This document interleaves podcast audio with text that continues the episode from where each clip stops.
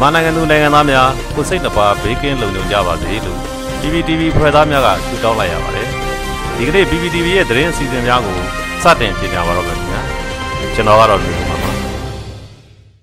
ရောင်စုလွတ်တော်ကိုစားပြုကော်မတီ CRPH ရဲ့ကြေညာချက်အမှတ်29မြင်းဆောင်2021ကိုမလေးကဂျွန်လ3ရက်နေ့ရက်စွဲနဲ့ထုတ်ပြန်ကြေညာခဲ့ပါတယ်ကြေညာချက်မှာ1ပြည်တော်စုလွတ်တော်ကိုစားပြုကော်မတီသည်ပြည်သူတို့အနေနာသော တာဝန်နှင့်လုပ်ပိုင်ခွင့်အရစစ်အာဏာရှင်စနစ်အပြီးတိုင်ချုပ်ငြိမ်းရေးတိုင်းရင်းသားပြည်သူတရလုံး၏လူလားချက်ဖြစ်သော Federal Democracy နိုင်ငံတော်တည်ထောင်ရေးအတွက်ဒီဇိုင်းမမတ်ဆောင်ရွက်လျက်ရှိပါသည်။နှစ်ပြည်အောင်စုလွှတ်တော်ကိုစားပြုကော်မတီသည်ပြည်သူတို့၏စိတ်ပိုင်းဆိုင်ရာရုပ်ပိုင်းဆိုင်ရာလုံခြုံရေးကို ထိခိုက်စေသည့်ညီသည့်အကြမ်းဖက်လုပ်ရမျိုးကိုများလက်ခံခြင်းမရှိကြောင်းအတိအလင်းကြေညာသည်။၃တရားမဝင်အာဏာသိမ်းစစ်ကောင်စီလက်ပါစီများ၏ ကျန်းဖတ်နှိပ်စက်တပ်ဖြတ်မှုများနဲ့ဆက်လင်း၍ပြည်သူများအနေဖြင့်မိမိကိုယ်ကိုကာကွယ်ခုခံပိုင်ခွင့်အခြားသူကိုကာကွယ်ခုခံပိုင်ခွင့်အားပြည်အောင်စုလွှတ်တော်ကိုစားပြုကော်မတီကအတိမတ်ပြုထားပြီးဖြစ်သည်၄ပြည်အောင်စုလွှတ်တော်ကိုစားပြုကော်မတီရက်တီချက်နှင့်ပြည်သူတို့၏ကာကွယ်ခုခံပိုင်ခွင့်အပေါ်အကြမ်းဖက်အဖွဲ့အစည်းအဖြစ်ပုံပြက်စေရန်ရည်ရွယ်၍မတမာသူများမှရသပြည်သူများအပေါ်ပြစ်မှတ်ထားသောအကြမ်းဖက်လုပ်ရများဖန်တီးလှုပ်ဆောင်လာကြသည်ကိုတွေ့ရှိလာရပါသည်၅ပြည်အောင်စုလွှတ်တော်ကိုစားပြုကော်မတီအနေဖြင့် ရင်းကဲ့သို့သောမတမာသူများ၏ဖန်တီးလှုပ်ဆောင်မှုများကိုပြည်သူနှင့်အတူပူးပေါင်းရက်တီကာကွယ်သွားမည်ဖြစ်ကြောင်းထုတ်ပြန်ကြေညာလိုက်သည်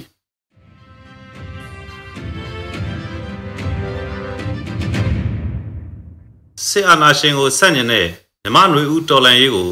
ပြည်သူ့ဂုံရေးစုရသိချီးမြှင့်ခဲ့တဲ့သတင်းကိုဆက်လက်တင်ဆက်ပေးတော့မှာဖြစ်ပါတယ်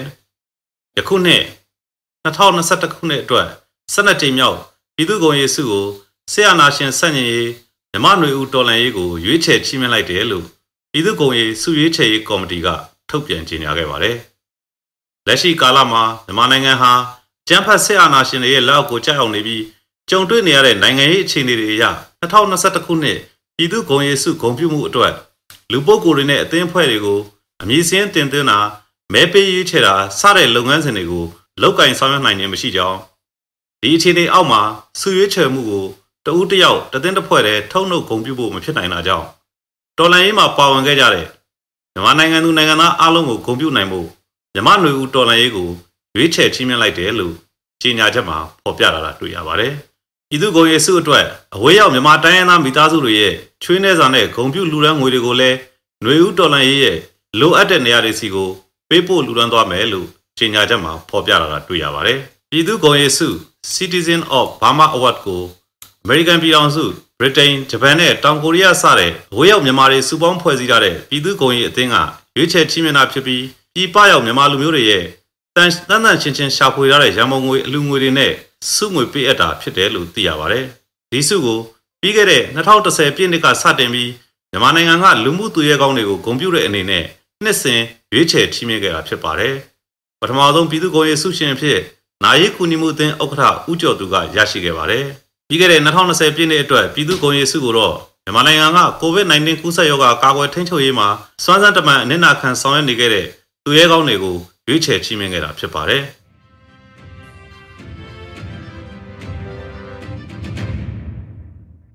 အာဆီယံကိုယ်စားလှယ်2ဦးမြန်မာနိုင်ငံကိုရောက်ရှိနေတဲ့သတင်းကိုဆက်လက်တင်ဆက်ပေးတော့မှာဖြစ်ပါတယ်။ရှေ့တောင်အာရှအဖွဲ့ဝင်နိုင်ငံများအသင်းအာဆီယံကိုယ်စားလှယ်2ဦးဟာမနေ့ကကြာသပတေးနေ့ညပိုင်းမှာနေပြည်တော်ကိုရောက်ရှိပြီး စစ်ကောင်စီကောင်းဆောင်မဲအောင်လိုင်းနဲ့တောက်ကြနေမှာတွေ့ဆုံမှုရှိတယ်လို့ဒီမဖော်လို့တဲ့အစိုးရအရာရှိတဦးရဲ့ပြောဆိုချက်ကိုကိုးကားပြီး AFP သတင်းမှာဖော်ပြလာတာတွေ့ရပါတယ်။အခုလိုရောက်ရှိလာတဲ့အာဆီယံကိုယ်စားလှယ်နှစ်ဦးဟာလက်ရှိအာဆီယံအလှည့်ကျဥက္ကဋ္ဌဖြစ်တဲ့ဘရူနိုင်းဒုတိယနိုင်ငံသားရေးဝန်ကြီးနဲ့အာဆီယံအထွေထွေအတွင်းမှုချုပ်တို့ဖြစ်ပါတယ်။စစ်ကောင်စီသတင်းပြန်ကြားရေးအဖွဲ့ကတော့မကြာခင်မှာသတင်းပြေဆုံးကိုထုတ်ပြန်မယ်လို့သတင်းတောက်တွေကိုပြောကြားခဲ့ပါတယ်။မြန်မာနိုင်ငံမှာအာဏာသိမ်းပြီးဖြစ်ပေါ်လာတဲ့အကြမ်းဖက်ဖိနှိပ်မှုတွေနဲ့နိုင်ငံရေးရှုပ်ထွေးမှုတွေနဲ့ပတ်သက်ပြီး ပြီးခဲ့တဲ့ AB လပုံပိုင်းကအင်ဒိုနီးရှားနိုင်ငံမှာအာဆီယံခေါင်းဆောင်တွေတွေ့ဆုံခဲ့ကြပြီးမြန်မာနိုင်ငံဆိုင်ရာဘုံသဘောတူညီချက်၅ချက်ကိုထုတ်ပြန်ကြေညာခဲ့ပါတယ်။အဲဒီဆွေးနွေးပွဲအပြီးတလကျော်အကြာမှာအာဆီယံကိုယ်စားလှယ်2ဦးမြန်မာနိုင်ငံကိုရောက်ရှိခဲ့တာဖြစ်ပါတယ်။အာဆီယံအသင်းမှာအသင်းဝင်နိုင်ငံတစ်ခုရဲ့ပြည်တွင်းရေးကိုဝင်ပြီးမဆွတ်ဖက်ရဘူးဆိုတဲ့အမှုချမှတ်ထားတာတွေ့ရပါတယ်။ဒါပေမဲ့လည်းမြန်မာပြည်တွင်းကပြဿနာတွေကဒေသတွင်းနိုင်ငံတွေရဲ့အထိရိုက်ခတ်မှုတွေရှိနေတာကြောင့်မြန်မာအရေးကိုအာဆီယံနိုင်ငံတွေက ဝင်ရောက်ကူညီဖြည့်ရှင်းတဲ့နယ်ဆိုပြီးတိုက်တွန်းမှုတွေရှိနေတာဖြစ်ပါတယ်။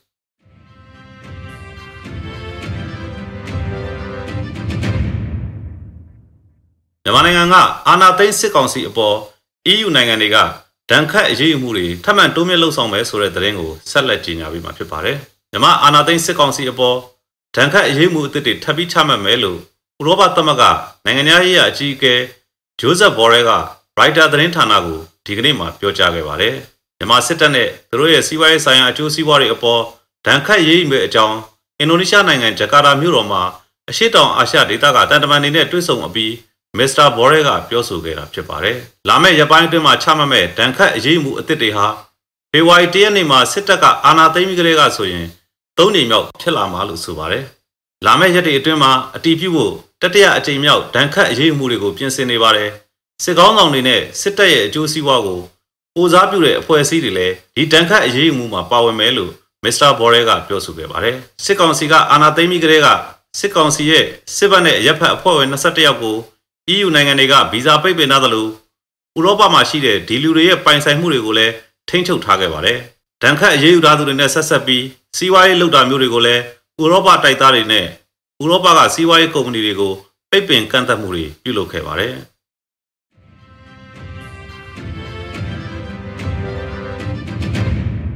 မ္မပြည်သူတွေအတွက်ပြင်းထန်ဆိုးဝါးပြီးလူသားချင်းစာနာမှုအရအကူအညီပေးဖို့ခက်ခဲတဲ့အကြက်တဲကပ်ဘေးကြီးတစ်ခုကိုကျမတို့အားလုံးရင်ဆိုင်ရမယ်လို့အမေရိကန်ဒုတိယနိုင်ငံရဲ့ဝန်ကြီးဝန်ဒီရှာမန်ကပြောဆိုလိုက်တဲ့သတင်းကိုဆက်လက်တင်ဆက်ပေးတော့မှာဖြစ်ပါတယ်။မြန်မာနိုင်ငံအတွင်းအကြမ်းဖက်မှုတွေရပ်တန့်ရေး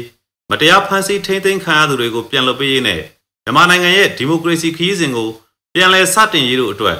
မြန်မာစစ်တပ်ကိုတောင်းဆိုဖို့ကြိုးပမ်းမှုတွေနဲ့ပတ်သက်ပြီးဆွေးနွေးအဖြေရှာဖို့အ မေရိကန်ဒုတိယနိုင်ငံရေးဝန်ကြီးရှာမန်ဟာအရှိတောင်အာရှဒေသကိုရောက်ရှိခဲ့ပါတယ်။ဆိုပါခရီးစဉ်အတွင်းမှာ